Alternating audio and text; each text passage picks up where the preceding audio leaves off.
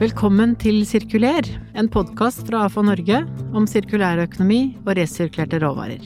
I dag handler podkasten om avfalls- og gjenvinningsbransjens rolle i den sirkulære økonomien. Hva skal til for at framtidens råvarer er resirkulerte? Mitt navn er Nancy Strand, og gjest i dag er Cecilie Lind, administrerende direktør i AFA Norge. Cecilie Lind har lang fartstid innen avfalls- og gjenvinningsbransjen. Hun er utdannet miljøingeniør, har jobbet i en rekke selskaper innen avfall og gjenvinning. Hun begynte i AFA Norge i 2019, og har nå tatt over som administrerende direktør. Velkommen til deg, Cecilie. Takk for det. Du som har jobbet så lenge i bransjen, så blir jo i hvert fall jeg veldig nysgjerrig. Så hvordan, hvordan, begynte, hvordan kom du inn i bransjen, og hvordan begynte det hele? Jeg flytta til Oslo som nyutdanna, uten jobb. Og kom over en konsulentstilling i Oslo renholdsverk. Ja. I forbindelse med at det skulle innføres kildesortering av papir hos husholdningene. Nettopp. Ja. Så der begynte det, der med kildesortering. Ja. Ja.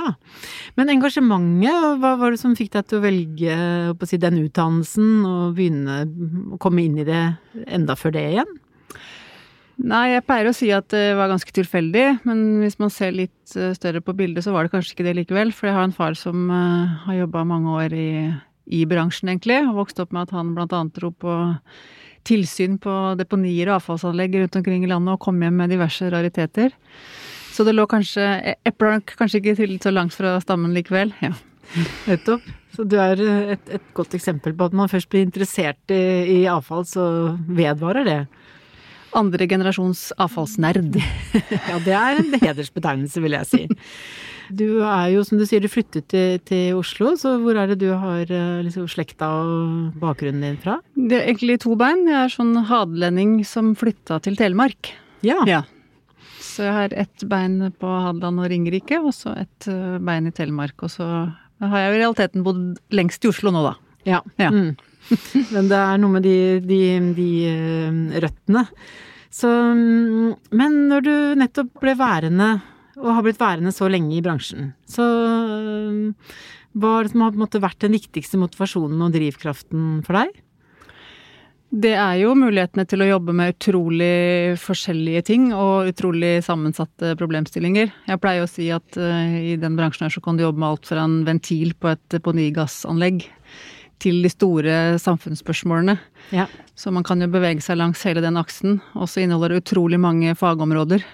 Økonomi og logistikk, og vi er omfattet av hver eneste lov og forskrift som finnes omtrent i hele landet. Så det er veldig mange muligheter for å utvikle seg både faglig og på andre måter innafor bransjen. Mm, ja. Det er en jobb hvor man, man blir ikke stående stille, i hvert fall. Overhodet ikke. Så men nå Du kom jo da inn i AFO Norge for et års tid siden. Så hva tenker du nå om det, den tiden vi går inn i? Ja, det er nesten litt sånn uh, komisk, for jeg har alltid sagt at det er utrolig spennende i den bransjen her akkurat nå. ja. og hver gang jeg sier det, så føles det veldig sant. Uh, så det gjelder jo nå òg. Nå er det mange spennende rapporter som uh, kommer i høst. og så kommer jo sirkulærstrategi til regjeringen rundt årsskiftet. Mm. Og så går vi mot et stortingsvalg, så det er um, rikelig med både muligheter og utfordringer foran oss. Samtidig så har vi vel aldri stått høyere på den politiske agendaen enn det vi gjør nå. Så jeg opplever jo også at det er et helt annet mulighetsrom enn det var, ja. var tidligere for bransjen. Mm. Mm. Så det er et sånn tids... Et unikt tidsvindu, da, tenker jeg, som vi har foran oss nå. Mm. Mm. Mm. Og det har jeg skjønt på deg at det, har du, det akter du å bidra til at vi klarer å utnytte. Det må vi bruke. Ja, ikke sant. Så eh, det, et tema som er på dagsordenen i disse dager, og det har det for så vidt vært en stund, er jo plast. Og plastemballasje. Og det er jo ikke for ingenting, fordi eh, vi har jo kildesortert plast en stund. Vi ser at det er store mengder. Vi har fått eh, skrekkrapporter om plast på avveie i havet. Så plast har liksom tatt en stor plass av, av um, debatten, da. Så um, og et stort tema er jo vi kildesorterer eh, for harde livet, men eh, samtidig så er det bare en liten del av det vi faktisk kildesorterer som blir til nye produkter som går inn igjen i kretsløpet, resten går til energiutnyttelse. Så mm, hva, hva hvordan ser du på det, den situasjonen, egentlig, hvor, hvor, vi står, og hva er det som skal til da, for å, at vi kan klare å løfte oss og bli bedre? Altså, plasten er jo et uh, veldig godt eksempel på at uh, vi er avhengig av at hele verdikjeden henger sammen for å få gode resultater. Mm. Um, så det er som i alle andre næringer at, uh, og industrier at shit in er shit out. Og så lenge vi ikke har produkter som er designa og produsert med tanke på at de også kan gjenvinnes eller gjenbrukes, så er det veldig vanskelig og krevende å få til det i vår ende av verdikjeden. Mm. Så det må jobbes langs hele aksen for å få de gode resultatene. Mm. Men man får jo på en måte en litt sånn følelse av at, eh, at det hele nærmest er eh, litt, eh, litt tilfeldig. Altså når vi produserer så mye plast, og bruken av plast i verden er jo sterkt økende så, så er det i det hele tatt et marked for å bruke resirkulert plast. Ja, så, så lenge det fins en, en, industri som bruker plast, så er det jo et marked også for å bruke resirkulert plast. Og det er jo en Forbrukeren Forbrukerne er jo en sterk driver, egentlig, eh, for å ta i bruk resirkulerte råvarer, faktisk. Og kanskje en av de sterkeste driverne, dessverre. Mm. Ja. Eller det er bra, men det er også litt synd at det ikke er flere. Um, så, så lenge vi produserer plast, så finnes det også et marked for resirkulert plast, tenker jeg. Mm. Ja. Mm. Så, men du har jo hatt noen sånne, jeg på å si, noen sånne tommelfingerregler, for litt av ditt budskap har jo vært at eh, det er kanskje ikke så vanskelig som det virker.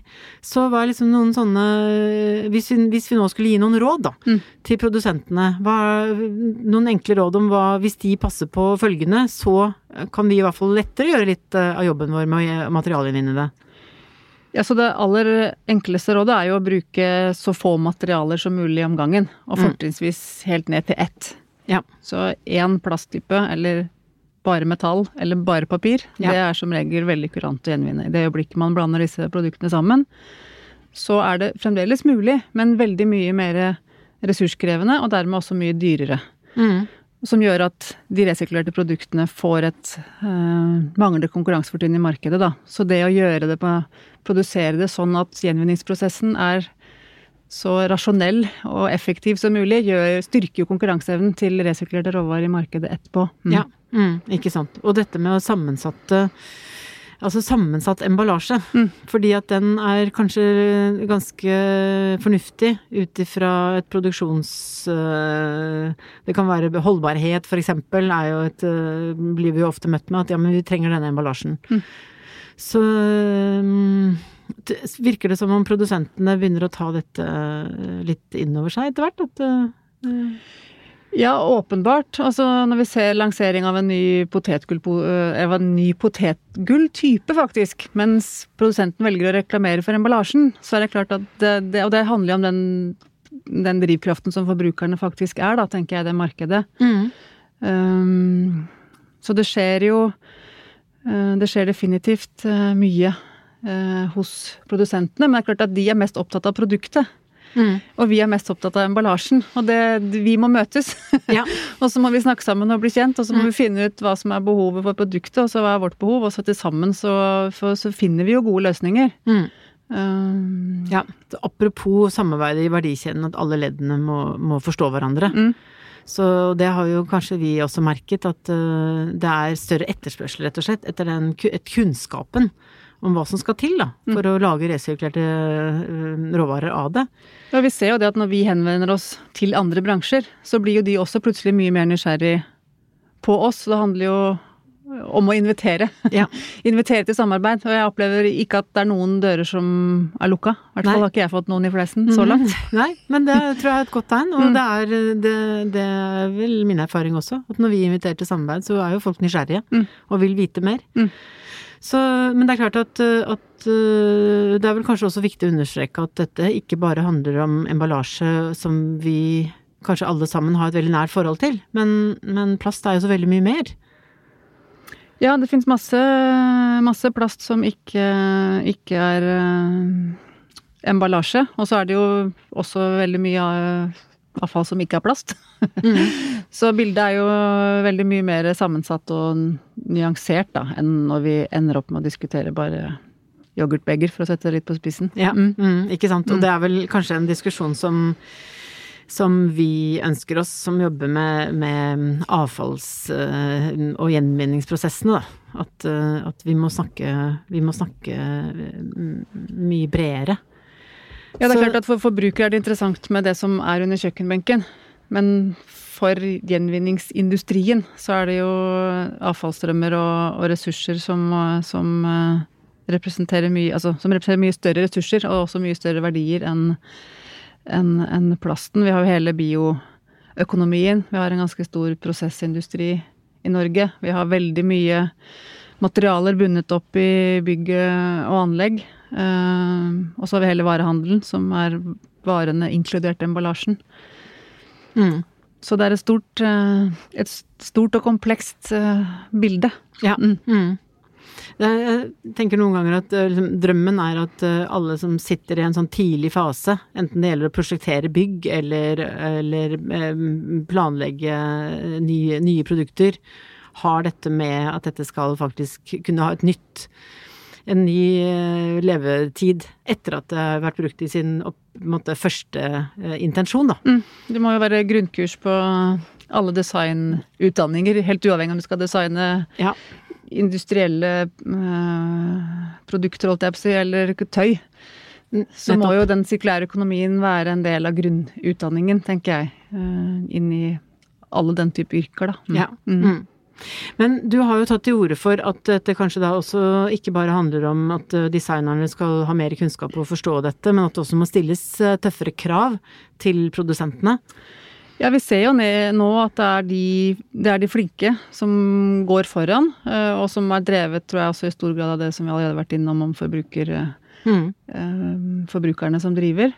Eh, mens det mangler jo egentlig incitamenter for å få de som henger etter, over den samme Alle skal over den samme lista, mm. det, og, lista ligger nesten på gulvet, da. Så det, det er noen som velger å hoppe, ja. hoppe høyere. Eh, men det veldig, får veldig lite konsekvenser å velge å bare smyge seg over mm. på gulvnivå. Ja, mm. Mm. ikke sant. Så det følges jo i liten grad opp med det vi har av krav, følges i liten grad opp, og de kravene vi har er ganske vage og runde. Mm. Mm. Ja, ikke sant. Så, så eh, vi, har jo, vi har jo et velkjent begrep eh, i, i bransjen, men som kanskje ikke er like godt forstått i andre deler av samfunnet, nemlig dette med produsentansvar og utvidet produsentansvar. Mm. Um, så uh, kan man klare å koble disse tingene sammen. At uh, kravene i produsentene i større grad også blir en del av det produsentansvaret. Jeg tenker at det smelter jo sammen, og det er jo et ganske sånn stort og komplekst regelverk på, på produktsiden også, som, som, i stor grad drives fra EU. Uh, Uh, og, mm. og, hvor vi er helt avhengig av å jobbe i et egentlig både i EU, men også uh, internasjonalt utafor EU. Fordi veldig, en lit, veldig liten andel av produktene våre blir jo faktisk produsert i Norge.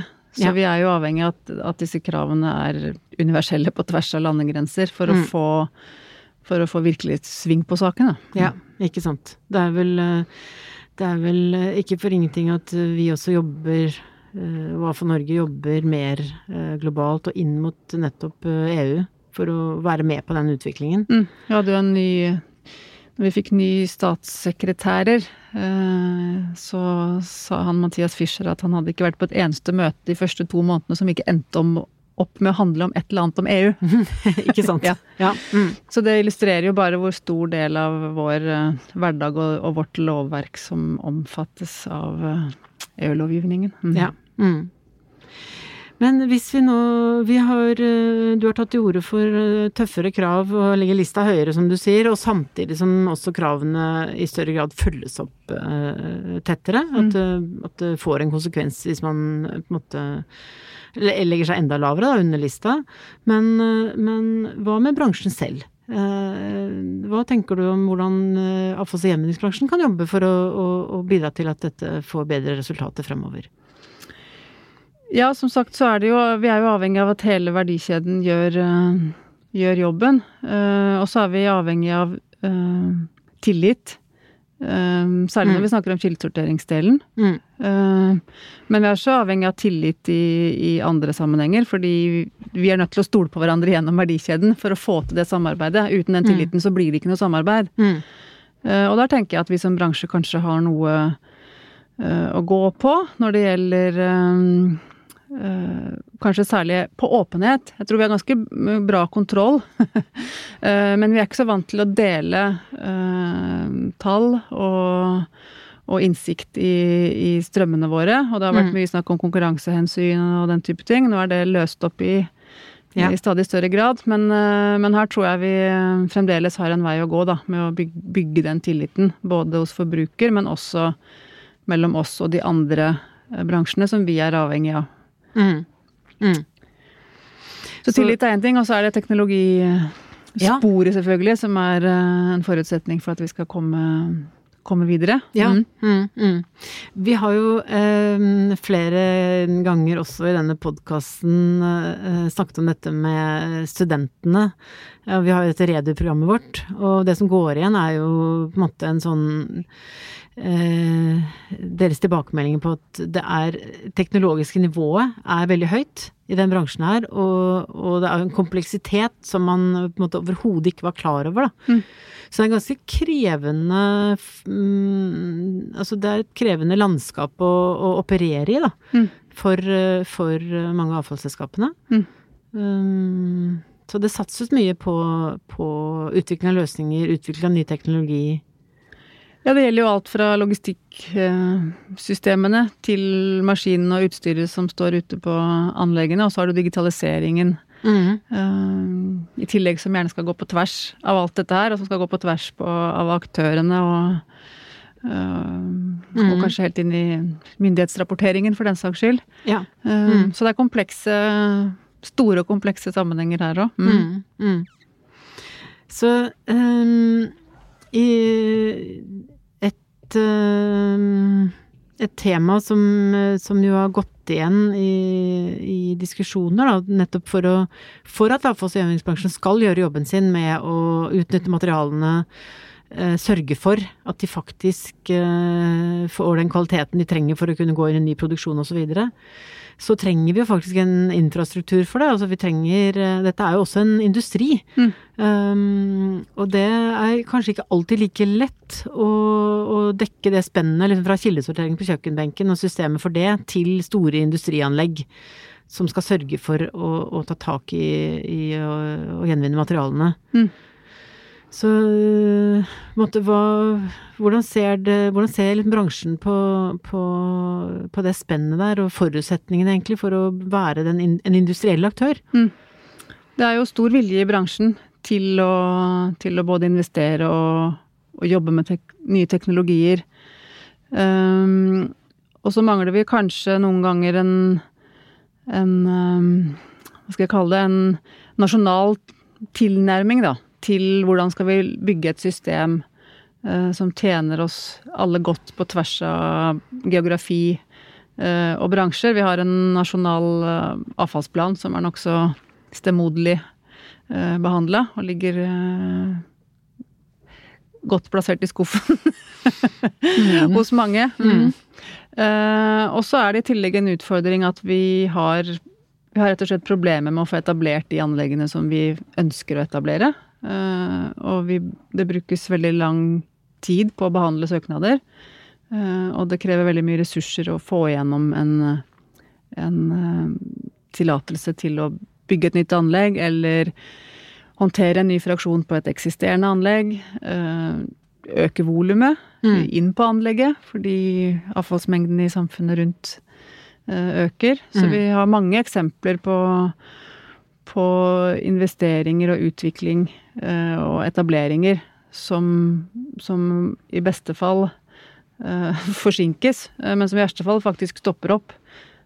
fordi det, at det er såpass ressurskrevende etter hvert.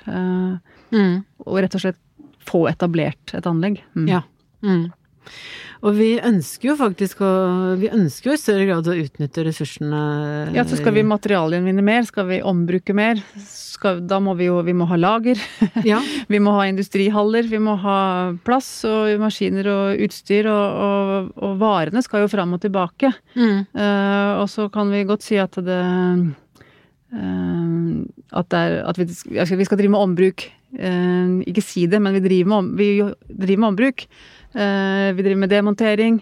Eh, men det er fremdeles like stor tonnasje som er i bevegelse Ja. eh, i markedet. Ja. Mm. Uavhengig om det er definert som avfall eller et produkt. Så vi skal jo ikke ha mindre materialer i omløp. Mm.